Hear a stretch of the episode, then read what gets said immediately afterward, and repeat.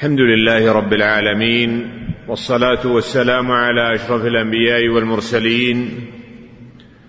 أما بعد فقد تفضل الله جل وعلا علينا بإنزال كتابه العظيم وببعثة نبيه محمد صلى الله عليه وسلم ليكون سبب سعادة المؤمنين في الآخرة وفي الدنيا.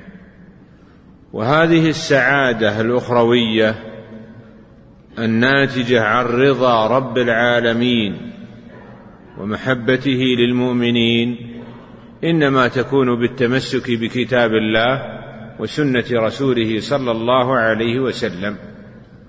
والتمسك بكتاب الله وسنة رسوله صلى الله عليه وسلم لا يكون إلا بقواعد صحيحة نتمكن بهما من فهم الكتاب والسنة. فإن الكتاب والسنة قد نزلا بلغة العرب وللعرب في فهم كلامها قواعد معينة. وللشريعة أيضا قواعد واضحة في كيفية فهم الكتاب والسنة.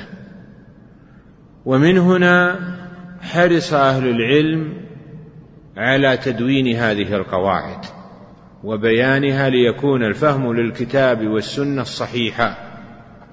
ومن أوائل من ألف في هذا الإمام الشافعي في كتابه الرسالة. ثم توالت المؤلفات بعده. وهذا العلم علم الأصول يمكن الذي هو قواعد الاستدلال وأدلة الشريعة يمكن أن يوظف في فهم الفقه وفي إيجاد طريقة صحيحة لاستنباط الأحكام من الأدلة. وكذلك يمكن أن يكون سببا لمعرفه بطلان قول بعض الفقهاء في بعض المسائل وهذا ما يسمى بعلم الجدل. المراد بالجدل الأسئلة والاعتراضات الواردة على الاستدلال بالدليل الشرعي. الجدل الفقهي المراد به الأسئلة والاعتراضات الواردة على الاستدلال بالدليل الشرعي وكيفية الجواب عنها. فإذا استدل مستدل في مسألة فقهية أو في مسألة شرعية سواء كانت فقهية أو في المعتقد فهل هناك أسئلة يمكن أن نوجهها أن نوجهها لهذا الاستدلال؟ وإذا وجهت إلينا أسئلة كيف نتمكن من الجواب عن هذه الأسئلة والاعتراضات؟ وقد ألف مؤلفات عديدة في هذا الفن فن الجدل الفقهي من أوائل من اعتنى بهذا الباب الإمام أبو إسحاق الشيرازي. والشيرازي من علماء القرن الخامس. وهو من فقهاء الشافعية. وقد سار على طريقة السلف فيما ألفه من المؤلفات. فلم يسر على طريقة المعتزلة ولا على طريقة الأشاعرة وإنما سار على طريقة السلف على طريقة أهل السنة والجماعة.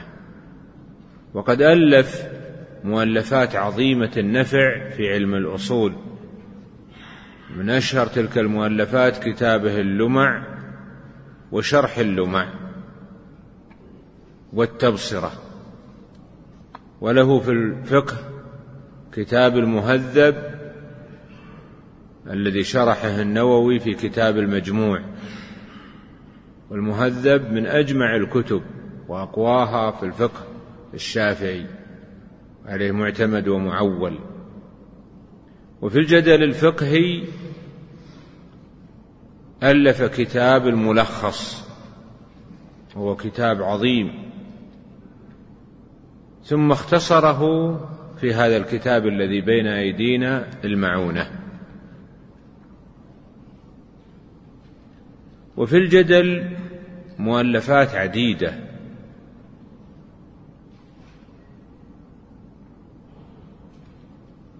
فمن المعاصرين للمؤلف ألف الجويني إمام الحرمين كتابه الكافية في الجدل.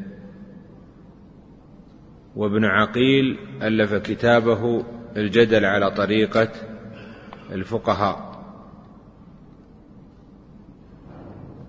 وهذا الفن فن الجدل في عصرنا الحاضر وجدت مؤلفات في أجزاء منه. ومن تلك المؤلفات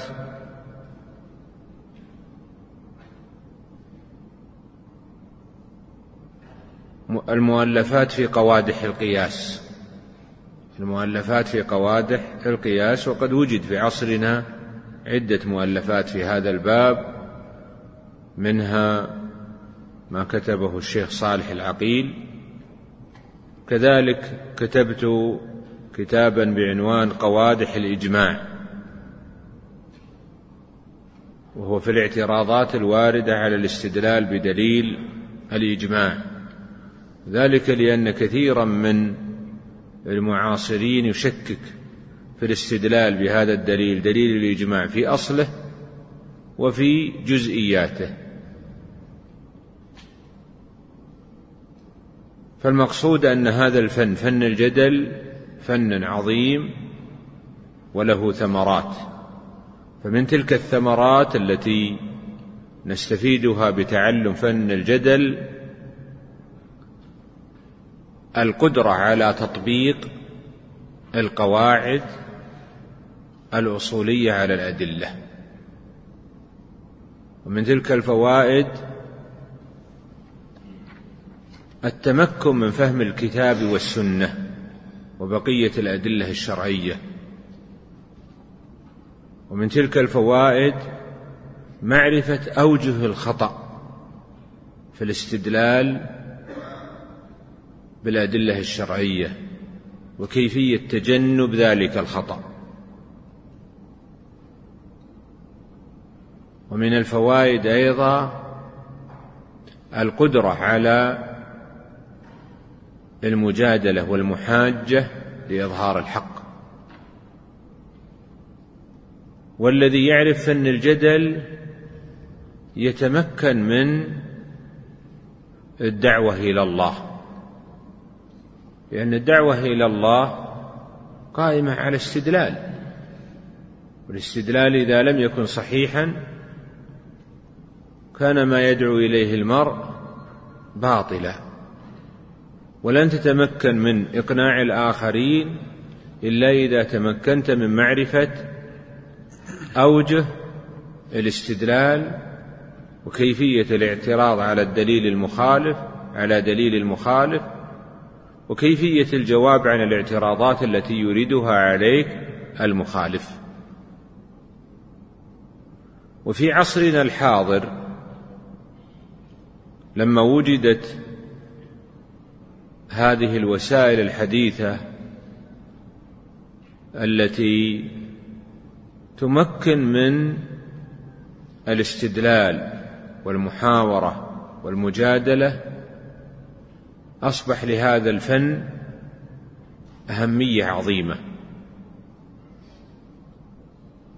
سواء كانت هذه الوسائل وسائل الصحافة أو وسائل مواقع الإنترنت أو مراكز الحوار أو نحو ذلك.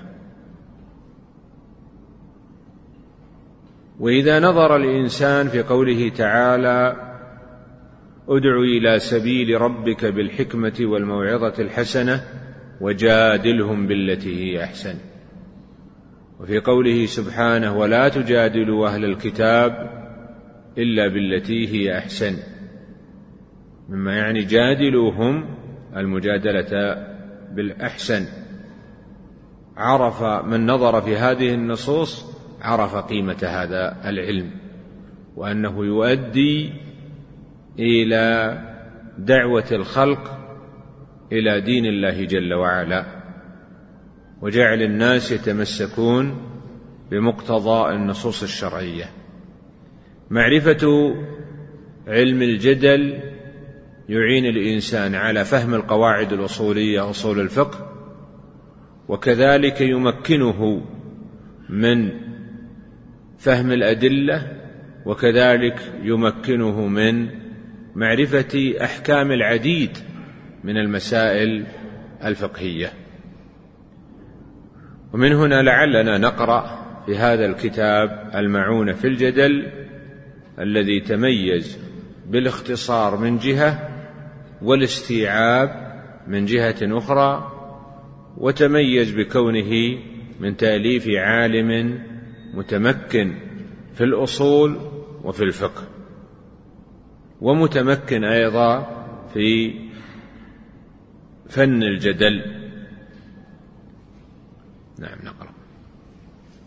الحمد لله رب العالمين والصلاة والسلام على أشرف المرسلين نبينا محمد وعلى آله وصحبه وسلم.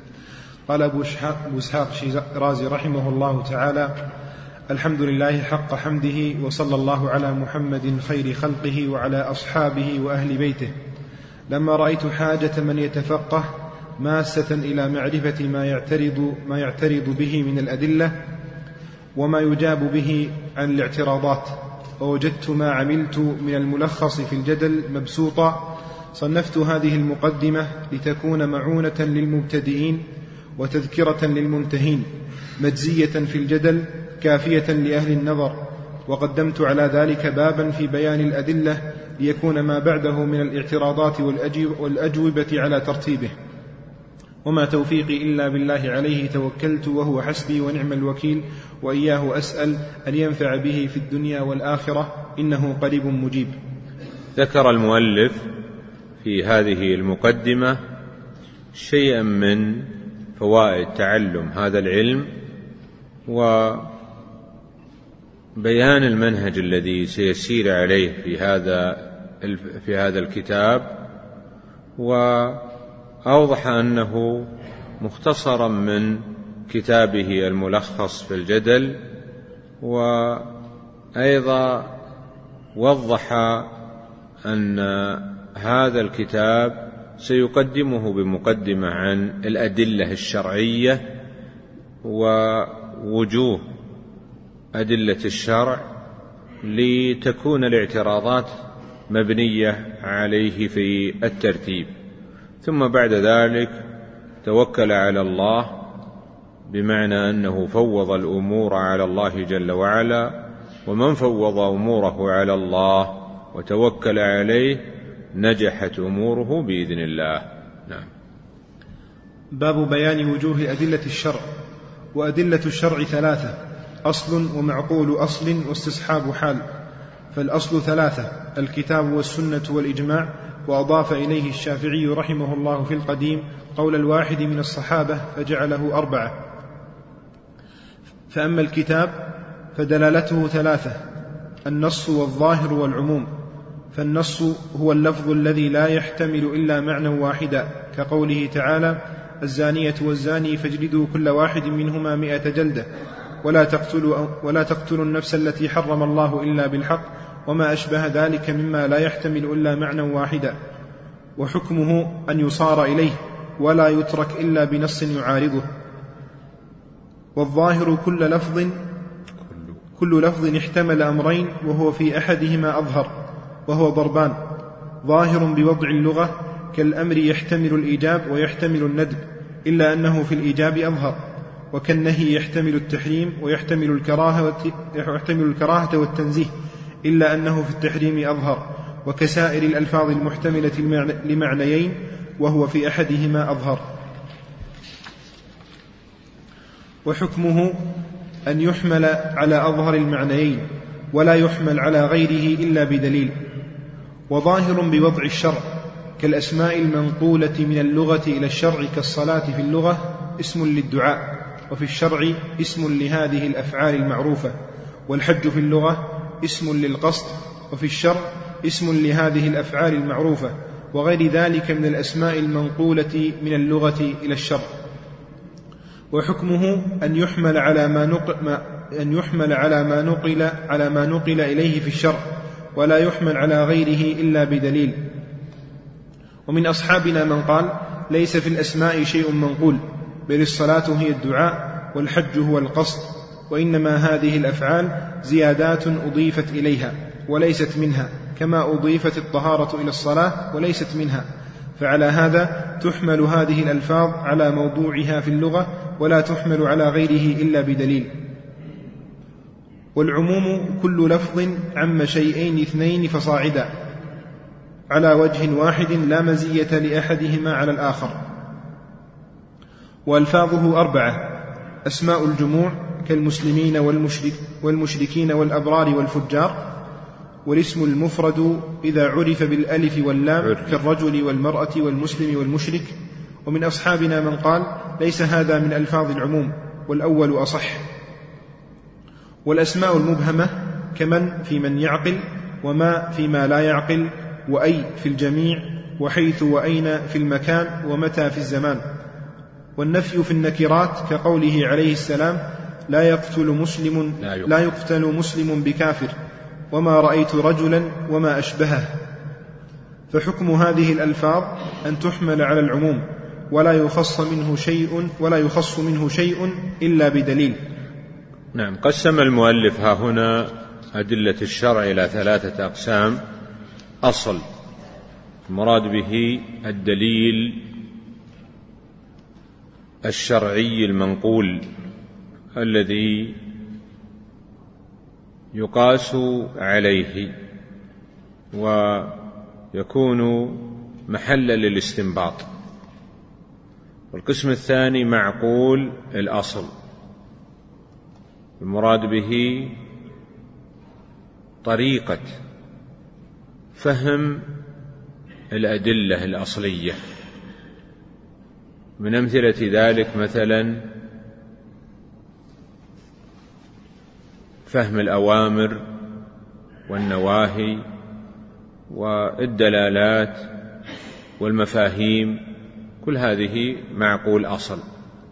مفهوم المخالفة هذا معقول أصل.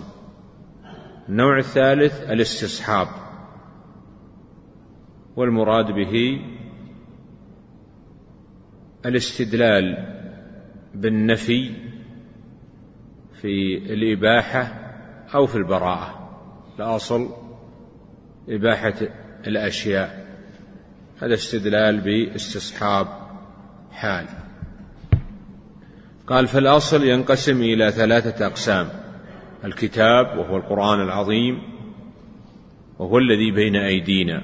فهذا الذي بين أيدينا هو القرآن وهو كلام الله وهو الكتاب.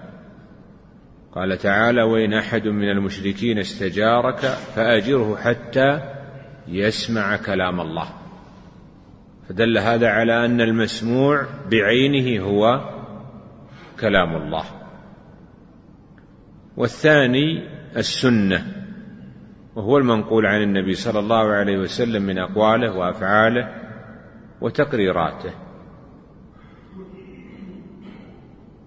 والثالث الإجماع وهو اتفاق مجتهدي أمة محمد صلى الله عليه وسلم في عصر من العصور على حكم شرعي. وهناك رابع وهو قول الصحابي ولعلنا إن شاء الله نأتي إلى تفصيل هذه الأدلة فيما يأتي. قال أما الدليل الأول فهو الكتاب. ودلالته تكون من ثلاثة أوجه أو ثلاثة أنواع. دلالة الكتاب ثلاثة أنواع. النوع الأول النص. وفسر النص بأنه هو الذي لا يحتمل إلا معنى واحدا. مثال ذلك. قوله تعالى قل هو الله أحد أحد. هل تحتمل أن يراد بها اثنان؟ أو تحتمل أن يراد بها ثلاثة؟ لا تحتمل. فهذا نص.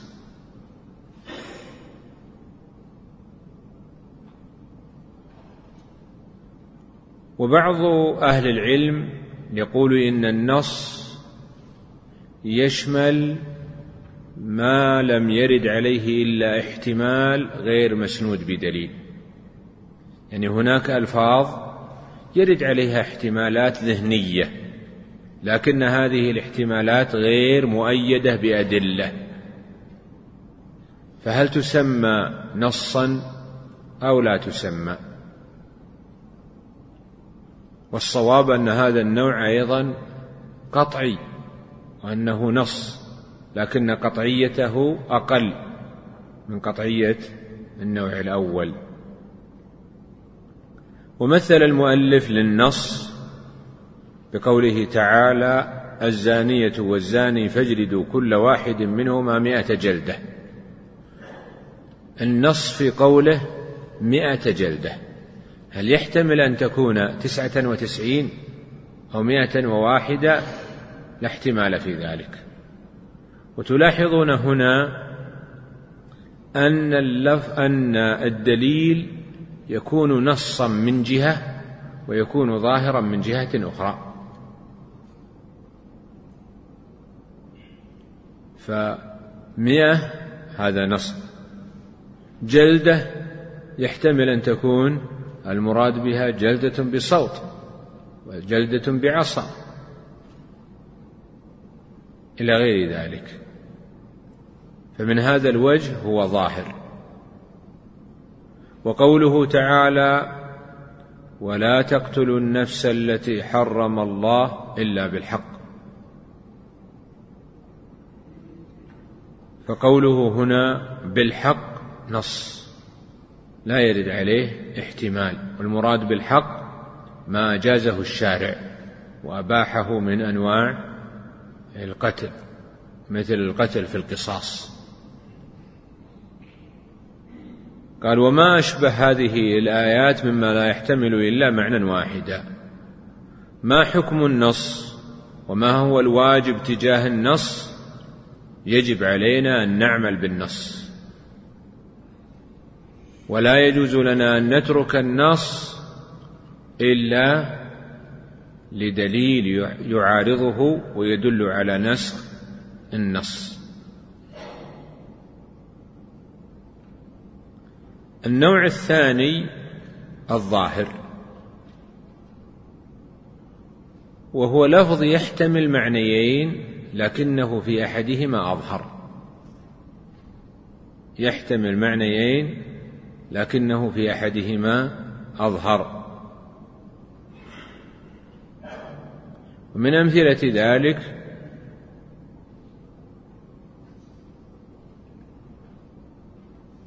قوله تعالى الله الصمد. فإن هذه الآية تحتمل أن يراد بها المقصود بالحوائج. وتحتمل أن يراد بها ما ليس له جوف. وتحتمل أن يراد بها معان أخرى.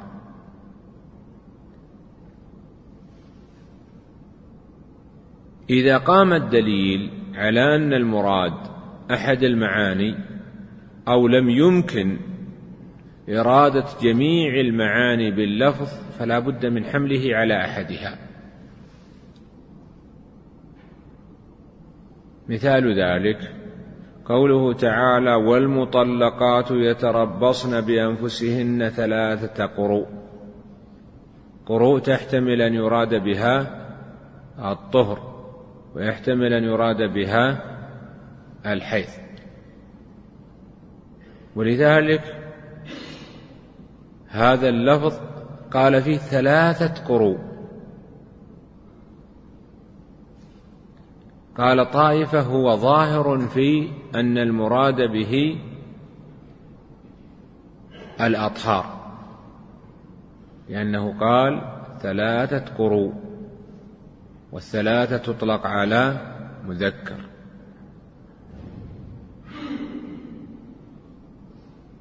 تقول ثلاثة أطهار وتقول ثلاث حيض. ما تقول ثلاثة حيض؟ لذلك رأى طائفة من أهل العلم بأن المراد به الطهر لهذا اللفظ. ثلاثة قروء كما هو مذهب مالك والشافعي. فظاهر الآية يدل على أن المراد الأطهار. هذا هو الظاهر. لكننا تركنا هذا الظاهر لورود أدلة تدل على أن المراد بالآية ليس المعنى الظاهر. في قوله صلى الله عليه وسلم دع الصلاة أيام أقرائك.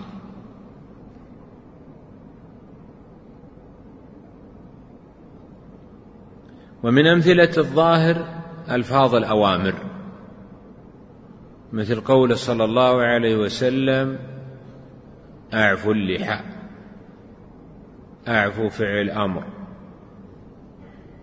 يحتمل أن يراد به الوجوب ويحتمل أن يراد به الندب والاستحباب. لكن ظواهر الأوامر أن تكون لي الوجوب. كما في قوله تعالى فليحذر الذين يخالفون عن أمره أن تصيبهم فتنة أو يصيبهم عذاب أليم. فهنا لفظ احتمل معنيين. هذا اللفظ في أحد المعنيين أظهر. ما الحكم فيه؟ أن نفسره بالمعنى الظاهر. ولا نصرفه إلى المعنى المرجوح إلا بدليل. ومن أمثلته قوله تعالى إذا فإذا قرأت القرآن فاستعذ بالله. الفاء تحتمل أن يراد بها التعقيب. فيكون المراد أن تكون القراءة أولا ثم تكون الاستعاذة. ويحتمل أن يراد بالآية بالفاء في الآية مجرد الجمع سواء تقدمت الاستعاذة أو تأخرت. هو في المعنى الأول وهو التعقيب أظهر الفاء في التعقيب أظهر. لكننا هنا تركنا المعنى الراجح إلى المعنى المرجوح بدليل وهو كون النبي صلى الله عليه وسلم كان يستعيذ أولا ثم يقرأ. وقسم المؤلف الظاهر إلى قسمين. الأول الظاهر بوضع اللغة. الظاهر بوضع اللغة. ومثل له بالأوامر فإنها تحتمل معنيين إيجاب وندب. إلا أن الأوامر في الإيجاب أظهر كما تقدم. قول المؤلف هنا كل لفظ احتمل أمرين لو قال معنيين لكان أحسن وأولى.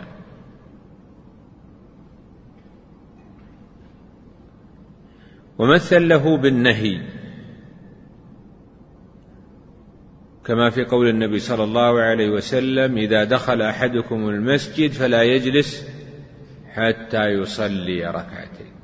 قوله لا يجلس هنا نهي والأصل في النهي أن يحمل على التحريم لقوله تعالى وما نهاكم عنه فانتهوا. لكن هنا وردتنا أدلة جعلتنا نحمل هذا اللفظ على المعنى المرجوح في النهي وهو الكراهة. وذلك أن النبي صلى الله عليه وسلم حصر الواجب من الصلوات في الخمس الفرائض. فدل على أن ما عداها من الصلوات ليس بواجب ليس بفرض. قال وكسائر الألفاظ المحتملة لمعنيين وهو في أحدهما أظهر.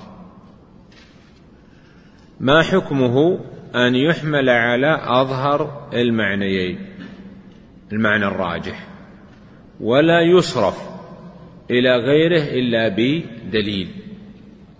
من صرف اللفظ الظاهر إلى غيره بدون دليل فقد أخطأ وفسر الكتاب بغير مراد الله جل وعلا. وهذا يسمونه صرف المعنى صرف دلالة اللفظ من المعنى الظاهر الراجح إلى المعنى المرجوح هذا يسمى تأويل. والتأويل ينقسم إلى قسمين تأويل الصحيح هو الذي يكون بدليل وتأويل فاسد وهو الذي يكون بدون دليل. ومن أمثلة هذا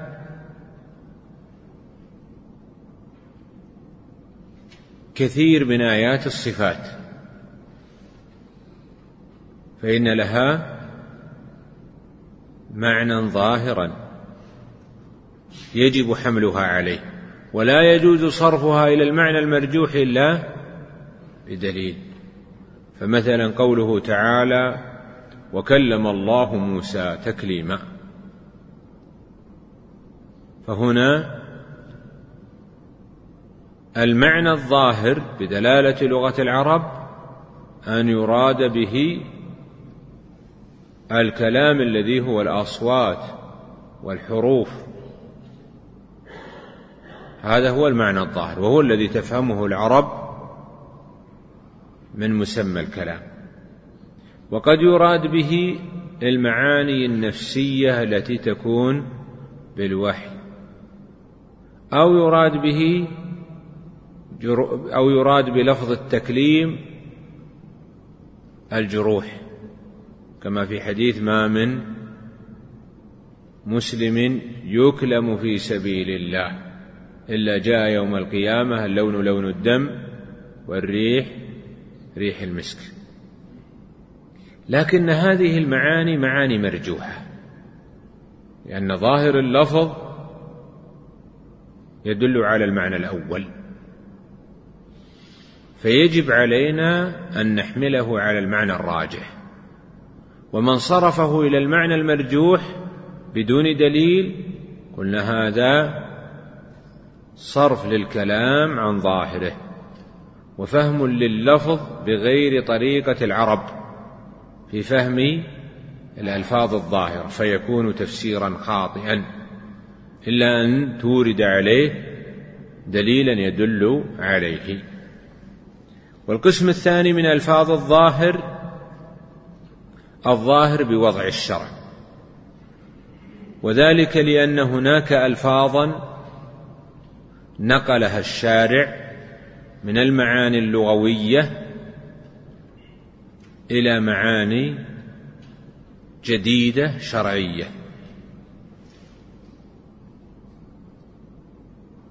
ومثل له المؤلف بلفظ الصلاة فإن الصلاة في اللغة الدعاء أو الثناء لكن الشرع نقل هذا اللفظ وجعل لفظ الصلاة يراد به أفعال وأقوال مخصوصة مبتدأة بالتكبير مختتمة بالتسليم. فعندما يأتي لفظ الشرع لفظ الصلاة في الأدلة الشرعية نحمله على المعنى اللغوي أو المعنى الشرعي؟ نحمله على المعنى الشرعي. لما قال تعالى وأقيموا الصلاة هل نقول المراد به الدعاء أو الثناء أو نقول المراد به الأفعال والأقوال المخصوصة المبتدأة بالتكبير المختتمة بالتسليم نحمله على المعنى الثاني.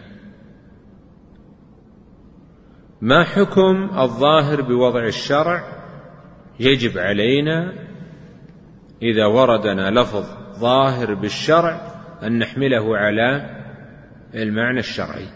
ولا يجوز لنا أن نحمله على المعنى اللغوي إلا بدليل. من أمثلة هذا قول النبي صلى الله عليه وسلم إذا دعي أحدكم فليجب فإن كان مفطرا فليطعم وإن كان صائما فليصلي. قوله فليصلي. لم نحملها ما معنى قوله فليصلي؟ يعني فليدعو وليثني. لماذا تركنا الظاهر الشرعي إلى المعنى المرجوح هنا؟ لورود الدليل. لورود الدليل في كون الصائمين الذين في عهد النبوة يدعون ويثنون ولا يصلون الصلاة بالمعهود الشرعي. ويدل عليه أننا لو حملناه على المعهود الشرعي لكان معنى مناقضا لمقصود الشارع.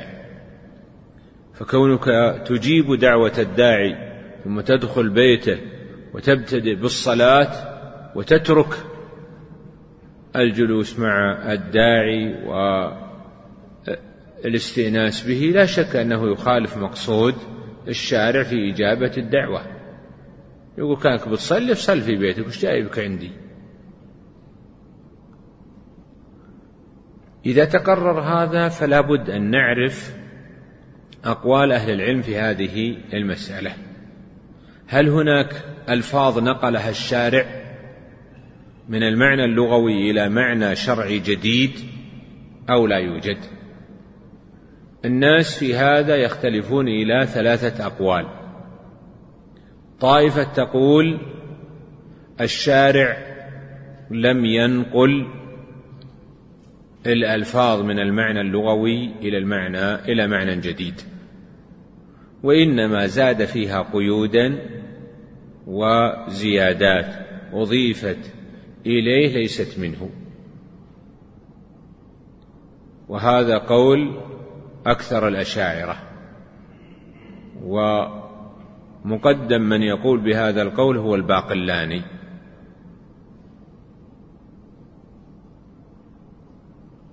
ويستدل على هذا بأن القرآن والسنة عربية.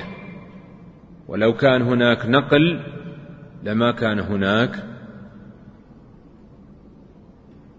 استعمال للغة العربية في الكتاب والسنة.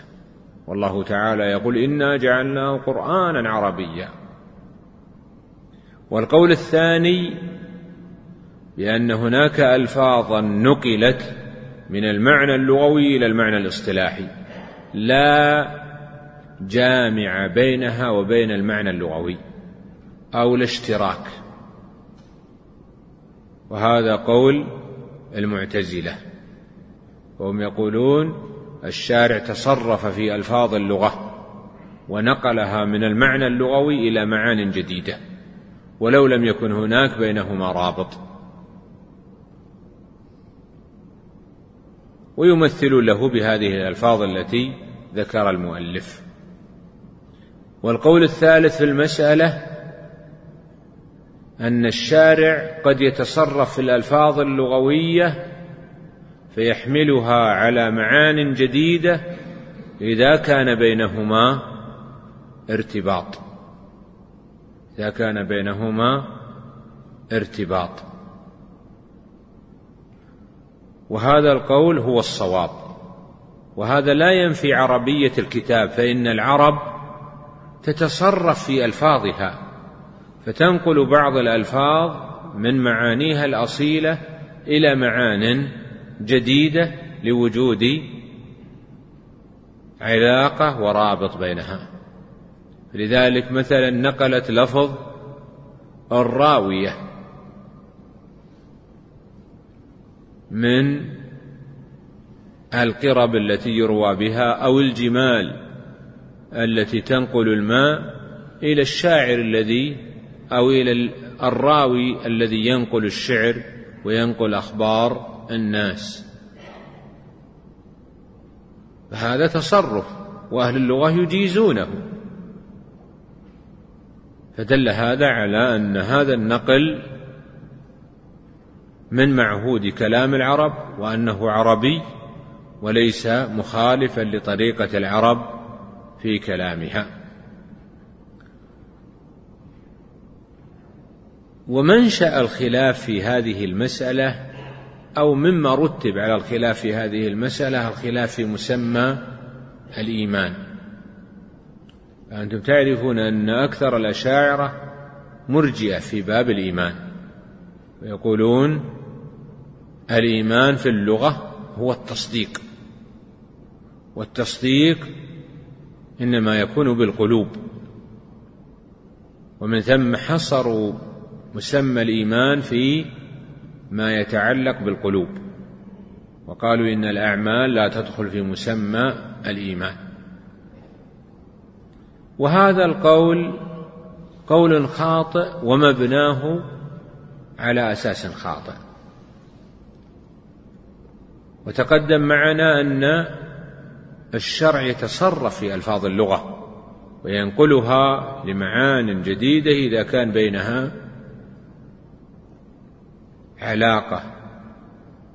ثم إن لو سلمنا بأن الإيمان هو التصديق فإن التصديق يشمل العمل في لغة العرب.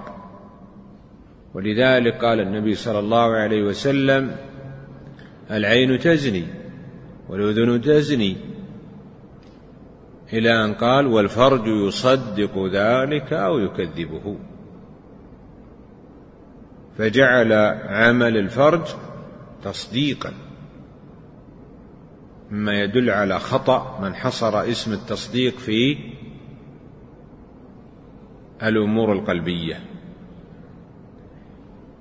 المؤلف يرى أن العموم يغاير الظاهر فلذلك قال الكتاب ثلاثة نص وظاهر وعموم. والجمهور يقولون والمراد بالعموم ما فسره المؤلف بقوله كل لفظ عم شيئين اثنين فصاعدا على وجه واحد للاحتراز من المشترك فإن اللفظ المشترك يدل على معنيين لكن بأوجه مختلفة.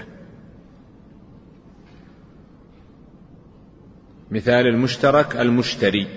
يطلق على الكوكب وعلى المقابل للبائع لكن بوجهين مختلفين. فمن ثم لا يسمى عاما وإن أطلق على شيئين فصاعدا.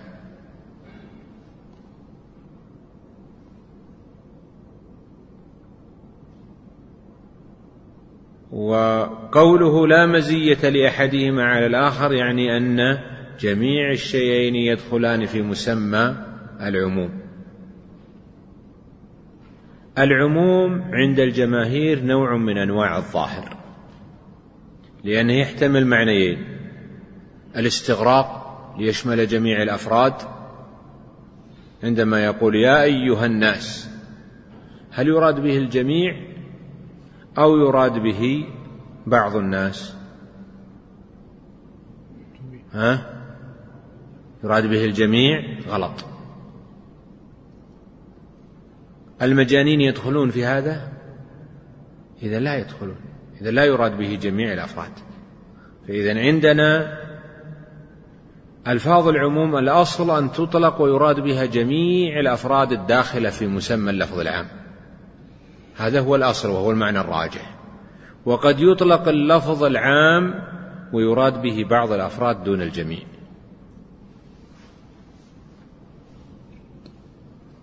فحينئذ نقول بأن العموم له معنيان. ظاهر معنى راجح وهو الاستغراق ومعنى مرجوح وهو عدم الاستغراق وشمول بعض الأفراد دون جميعها.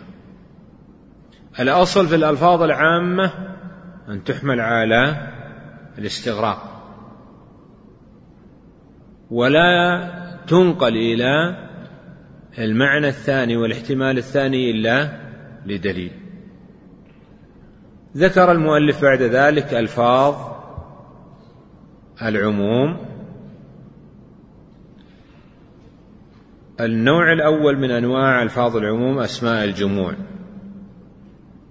كالمسلمين والمشركين والأبرار والفجار سواء كان جمع مذكر سالم أو جمع مؤنث سالم أو جمع تكسير.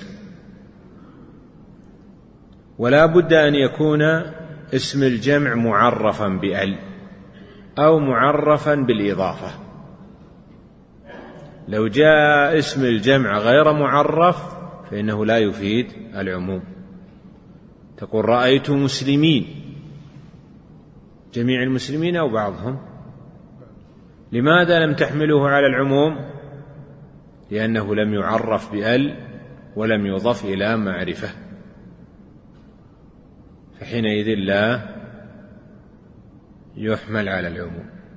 ودليل هذا قول النبي صلى الله عليه وسلم لابن مسعود في حديث التشهد فإنك إذا قلت ذلك فقد سلمت على السلام عليك أيها النبي ورحمة الله وبركاته. السلام علينا وعلى عباد الله الصالحين. عباد جمع معرف إلى معرفة فيفيد العموم. والصالحين جمع معرف بأل فيفيد العموم. ولذلك قال النبي صلى الله عليه وسلم بعده فإنك إذا قلت ذلك فقد سلمت على كل عبد لله صالح. ففسر هذا اللفظ لفظ الجمع بالعموم والاستغراق. النوع الثاني المفرد المعرف بال الجنسيه مثل الرجل والمرأة والمسلم والمشرك فإنه يحمل على العموم والاستغراق. ومنه قوله تعالى إن الإنسان لفي خسر إلا الذين آمنوا. الإنسان مفرد معرف بآل الجنسية فيفيد العموم. والدليل على أنه أفاد العموم هنا أنه قد استثني منه. إذا استثني من لفظ دل على أنه يفيد العموم. وآل لا بد أن تكون آل الجنسية فأما إن كانت آل العهدية فإنها لا تفيد العموم. والأصل في ال أن تكون جنسية. ولا تحمل على ال العهدية إلا بدليل. فيكون هذا من الألفاظ الظاهرة. ال المعنى الراجح فيها أن تكون جنسية. ولا تحمل على العهد إلا لدليل. قال ومن أصحابنا من قال المفرد المعرف بأل لا يفيد العموم. ورجح الأول وذكرنا دليله وهو في قوله تعالى إن الإنسان لفي خسر إلا الذين آمنوا. والاستثناء يدل على أن اللفظ المستثنى منه مفيد للعموم. النوع الثالث من ألفاظ العموم الأسماء المبهمة. لاحظ أنها أسماء وليست حروفا.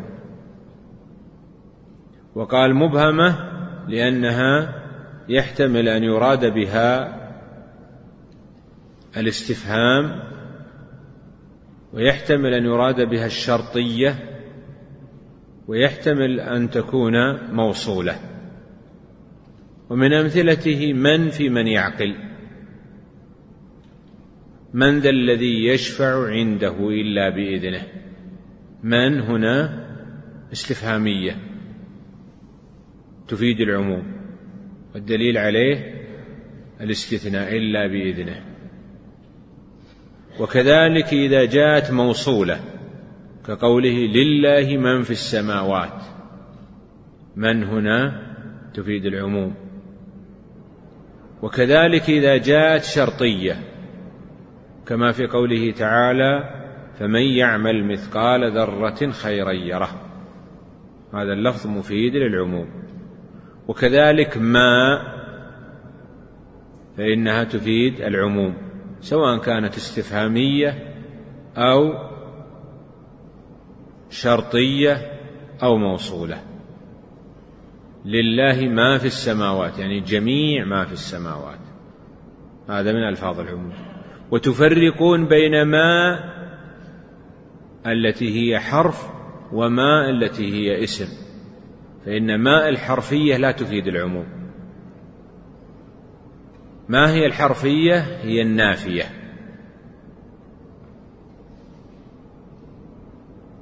من يأتي لنا بمثال لماء النافية؟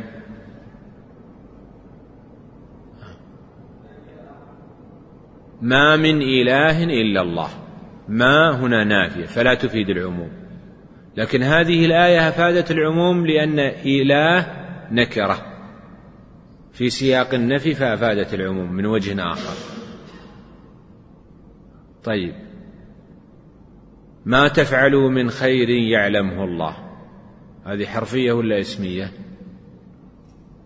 اسمية لماذا؟ لأنها شرطية فتفيد العموم. أي في الجميع يعني في من يعقل وفي من لا يعقل. والصواب أن أي من الألفاظ المطلقة وليست من الألفاظ العامة. والفرق بين المطلق والعام أن العام يحمل على جميع أفراده والمطلق يجوز الاقتصار فيه على أقل مسمى. لذلك لما قال تعالى أيا ما تدعو يعني يصدق على أي اسم من أسماء الله واحد ولا يوجب أو لا يفهم منه الاستغراق والاستيعاب لجميع الأسماء. وحيث وأين ومتى هذه أيضا من ألفاظ العموم سواء كانت شرطية أو كانت استفهامية. النوع الرابع النفي في النكرات وما ماثلها. كقوله لا يقتل مسلم بكافر مسلم هنا لفظ نكرة لكنه جاء في سياق النهي. لا يقتل. والنهي يماثل النكره ومن ثم نحمله على العموم. ومن أمثلته ما من إله إلا الله. إله نكره في سياق النفي فتفيد العموم. وما رأيت رجلا رجل نكره في سياق النفي فتفيد العموم. وهناك ألفاظ أخرى تفيد العموم غير هذه الألفاظ لكن ليس المراد هنا استيعاب هذه الألفاظ. ما حكم ألفاظ العموم؟ أن تحمل على يجب أن تحمل على الاستغراق. ولا يجوز أن تخرج فردا من أفراد العموم من حكمه إلا بدليل. لما قال النبي صلى الله عليه وسلم لا تسافر امرأة إلا مع ذي محرم. هل هذا من ألفاظ العموم؟ امرأة نكرة في سياق النهي فتفيد العموم. ومن ثم نحمله على العموم. لو جاءنا قائل وقال الطائرات اختلف حكمها. قال هذا سفر وليس بسفر. امرأة نكرة في سياق النفي فتحمل في سياق النهي فتحمل على العموم. لا يجوز صرفها عن العموم إلا بمخصص. قال نستثني المرأة إذا كانت مع رفقة مأمونة. قلنا هذا تخصيص بلا مخصص. أعطنا الدليل الذي يدل على تخصيص هذا اللفظ العام. إذا جاءنا قوله تعالى يا أيها الناس اعبدوا ربكم. كلمة الناس لفظ عام لأنها جمع معرف بأل فإذا جاءنا إنسان وقال نستثني من هذا بعض الناس نقول من استثنيت؟ نحتاج إلى دليل لاستثنائه. قال أنا أستثني أصحاب المكانة العالية من وصل إلى رتبة اليقين. فلا يحتاجون إلى عبادة ولا يؤمرون بعبادة. نقول هل هذا الاستثناء صحيح أو ليس بصحيح؟ لماذا ليس بصحيح؟ لأنه تخصيص بلا مخصص. وصرف لللفظ عن ظاهره بالعموم والاستغراق بدون دليل فيكون مردودا.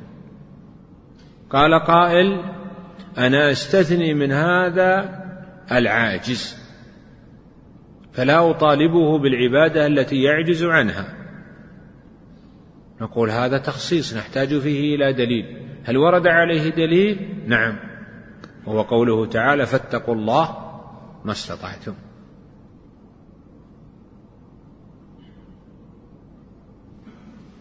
نعم. قال رحمه الله واما السنة فدلالتها فدلالتها ثلاثة قول وفعل وإقرار. فالقول على ضربين مبتدأ وخارج على سبب. فالمبتدأ ينقسم إلى ما ينقسم إليه إليه الكتاب من النص والظاهر والعموم. فالنص كقوله عليه السلام في أربعين شاة شاه وما أشبهه. فحكمه أن يصار إليه ولا يترك إلا بنص يعارضه. والظاهر كقوله عليه السلام حتيه ثم قرصيه ثم اغسليه بالماء فيحمل على الوجوب ولا يصرف إلى الاستحباب إلا بدليل. والعموم كقوله عليه السلام من بدل دينه فاقتلوه فيحمل على العموم في الرجال والنساء ولا يخص إلا بدليل. والخارج على سبب ضربان مستقل دون السبب كما روي أنه قيل له عليه السلام إنك تتوضأ من بئر بضاعة وإنما يطرح فيها دم المحايض ولحوم الكلاب وما وما ينجي الناس. فقال عليه السلام الماء طهور لا ينجسه شيء فحكمه حكم القول والمبتدأ. بدون واو. حكم القول المبتدأ. الواو هذه خطأ. مطبعي نعم. ومن أصحابنا من قال يقصر على السبب الذي ورد فيه. وليس بشيء. وضرب لا يستقل دون السبب كما روي أن أعرابيا قال له جامعت في شهر رمضان بالنهار. فقال اعتق رقبة. فيصير قول النبي صلى الله فيصير, فيصير قول الرسول مع السبب كالجملة الواحدة كأنه, عليه كأنه قال عليه السلام إذا جامعت فأعتق. هذا هو النوع الثاني من أنواع الأدلة. السنة. ودلالتها ثلاثة أنواع قول وفعل وإقرار. وهذا هو منهج الأصوليين والفقهاء في تفسير السنة النبوية. بخلاف طريقة المحدثين الذين يضمون الصفات الخلقية. وطريقة الأصوليين بعدم ضم الصفات الخلقية لأن الصفات الخلقية لا يؤخذ منها حكم. لا يؤخذ منها حكم. والسنة عندهم يراد بها السنة التشريعية التي يؤخذ منها حكم. قال السنة على قولين على ضربين. السنة على ثلاثة أضرب قول وفعل وإقرار. وسيأتي شرح الإقرار والفعل فيما يأتي. أما القول وهو الألفاظ النبوية فهو على نوعين. لفظ مبتدأ كقوله صلى الله عليه وسلم لا يقبل الله صلاة أحدكم إذا أحدث حتى يتوضأ. لم يقله لسبب. فمثل هذا لا إشكال في أنه يحمل على مدلول اللفظ ومعناه بحسب لغة العرب.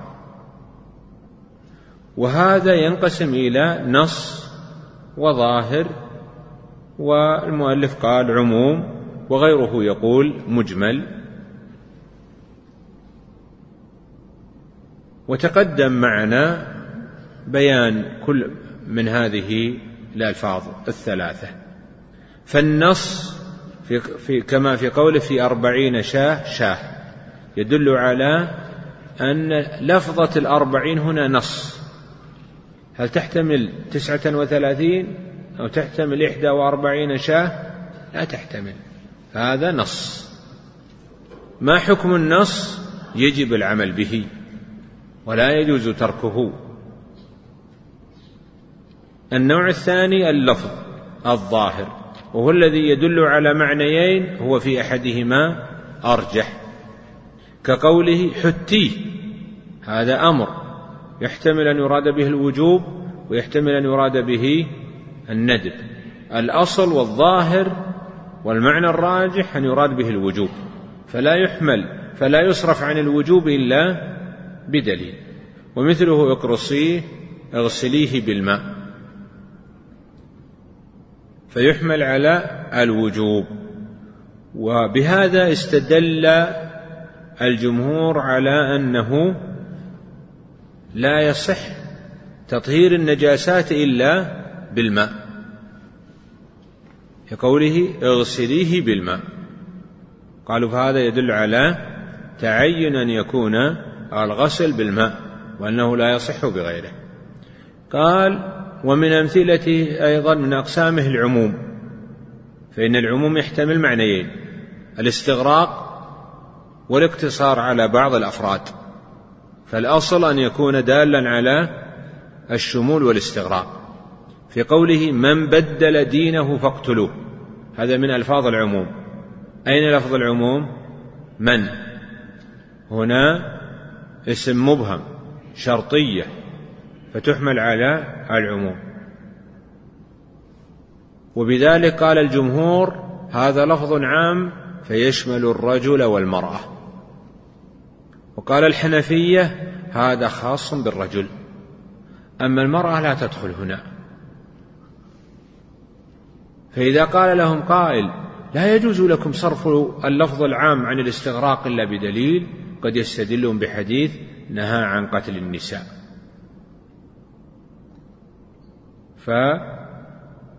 فحملوه على المرتدة أيضا. قال فيحمل على العموم في الرجال والنساء ولا يخص بسبب ولا يخص إلا بدليل. النوع الثاني الأحاديث التي جاءت على سبب. فهذه الأحاديث على نوعين. أحاديث جاءت على سبب شخصي جاءت على سبب شخصي. فلان الفلاني وقعت له واقعة فقال النبي صلى الله عليه وسلم فيها بلفظ عام فحينئذ يحمل اللفظ على عمومه بالاتفاق ولا يصح أن يخص بسببه. زنى ماعز فرجمه النبي صلى الله عليه وسلم. هنا الرجم جاء على سبب وهو فعل ماعز. هنا سبب شخصي ولا سبب نوعي؟ شخصي. فبالتالي يحمل على العموم بالاتفاق. فالعبرة هنا نقول إيش؟ بعموم اللفظ. لكن إذا كان السبب نوعيا وليس شخصيا فهل يحمل على العموم أو يحمل على يحمل على عموم اللفظ أو يحمل على خصوص السبب؟ مثال ذلك. قالوا يا رسول الله إنا نكون في البحر. نحتاج إلى الماء. فما نفعل؟ فقال صلى الله عليه وسلم عن البحر هو الطهور ماؤه. هنا هذا الحديث الطهور ماؤه لفظ عام. ما اسم جنس مضاف إلى معرفة فيفيد العموم. سواء في حال الحاجة أو في غير حال الحاجة. لكن السؤال كان عن سبب. وهو حال الحاجة. فهل نقول العبرة بعموم اللفظ في قوله الطهور ماؤه أو بخصوص السبب في قولهم في حاجة؟ واضح لنا المسألة؟ فنقول هنا اختلف الفقهاء والجمهور على أن بعموم اللفظ لا بخصوص السبب. لماذا؟ لأن الدليل هل هو كلام النبي صلى الله عليه وسلم أو الواقعة؟ كلام النبي صلى الله عليه وسلم وكلامه لفظ عام. فحينئذ نعمل بعموم اللفظ. مثل له مثل له المؤلف بحديث بئر بضاعة. قال يطرح فيها دم الحيض ولحوم الكلاب وما ينجي الناس يعني الأغراض التي يستنجون بها. فقال صلى الله عليه وسلم الماء طهور لا ينجسه شيء. السبب خاص في بئر بضاعة التي يطرح في هذه الأشياء. واللفظ عام الماء طهور. الماء ماء اسم جنس معرف بال الجنسية فيفيد العموم. فنقول هل العبرة بعموم اللفظ أو بخصوص السبب؟ نقول العبرة بعموم اللفظ. ما حكم هذا اللفظ؟ قال المؤلف فحكمه. حكم القول المبتدأ يعني أنه يحمل على العموم اعتبارا بلفظ النبي صلى الله عليه وسلم ولا يحمل على الخصوص. كالقول المبتدأ القول المبتدأ الذي جاء بدون سبب. قال ومن أصحابنا من قال يقصر على السبب الذي ورد فيه وهذا القول ليس بشيء. لأن العبرة بكلام النبي صلى الله عليه وسلم. قال وضرب من الأحاديث القولية لا يستقل دون السبب. فإنه قال كما في قوله صلى الله عليه وسلم أعتق رقبة. هذا لا بد لا يمكن قصره عن السبب. فبالتالي نحمله أو نجمعه مع سببه. فكأنه قال إذا جامعت فأعتق رقبه. هذا ما يتعلق بالسنة القولية. نقرأ السنة الفعلية ولا نتوقف؟ نتوقف. هل فيه إشكال فيما مضى؟ نعم سؤال.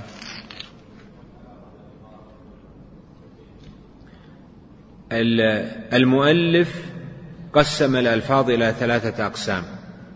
الألفاظ الشرعية نص وهو الذي لا يحتمل معنى آخر وظاهر وهو يحتمل معنيين وفي أحدهما أرجح وعموم وهو لفظ شمل عم اثنين فصاعدا من وجه واحد لا مزية لأحدهما على الآخر. والجمهور يقولون العموم نوع من أنواع الظاهر لأن العموم يحتمل معنيين الاستغراق وعدم شمول جميع الأفراد. فهذا ظاهر يعني يحتمل معنيين. هو في أحدهما أرجح. والجمهور يجعلون قسما ثالثا يسمونه المجمل. يسمونه المجمل وهو الذي لا يفهم معناه بمجرده. مثل قوله وآتوا حقه يوم حصاده. حقه ما المراد بها؟ لا نفهمها بمجرد نفظه فنحتاج ما حكم المجمل أن نتوقف فيه حتى يرد علينا الدليل الذي يوضحه ويبين المراد منه. نعم.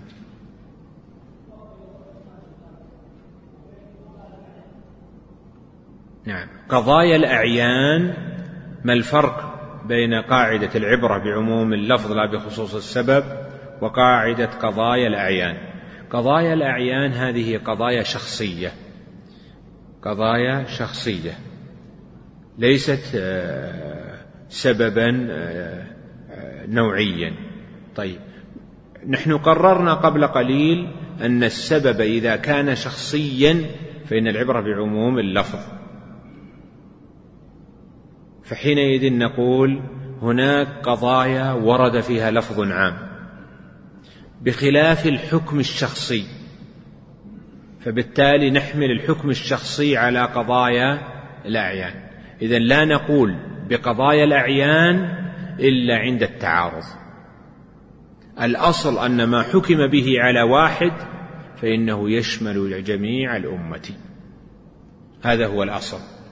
لكن إذا تعارض عندنا لفظ عام لم يرد على سبب ولفظ عام ورد على سبب أو لفظ ورد على قضية شخصية. فحينئذ نقول نعمل باللفظ العام ونحمل القضية التي خالفت اللفظ العام على أنها واقعة عين جمعا بين الأدلة. وإلا فإن الأصل أننا نعمل بالعموم وأننا نجعل الحكم على الواحد كالحكم على غيره. نعم. نعم عند التعارض ما هو بالاعتراض عند التعارض. نعم.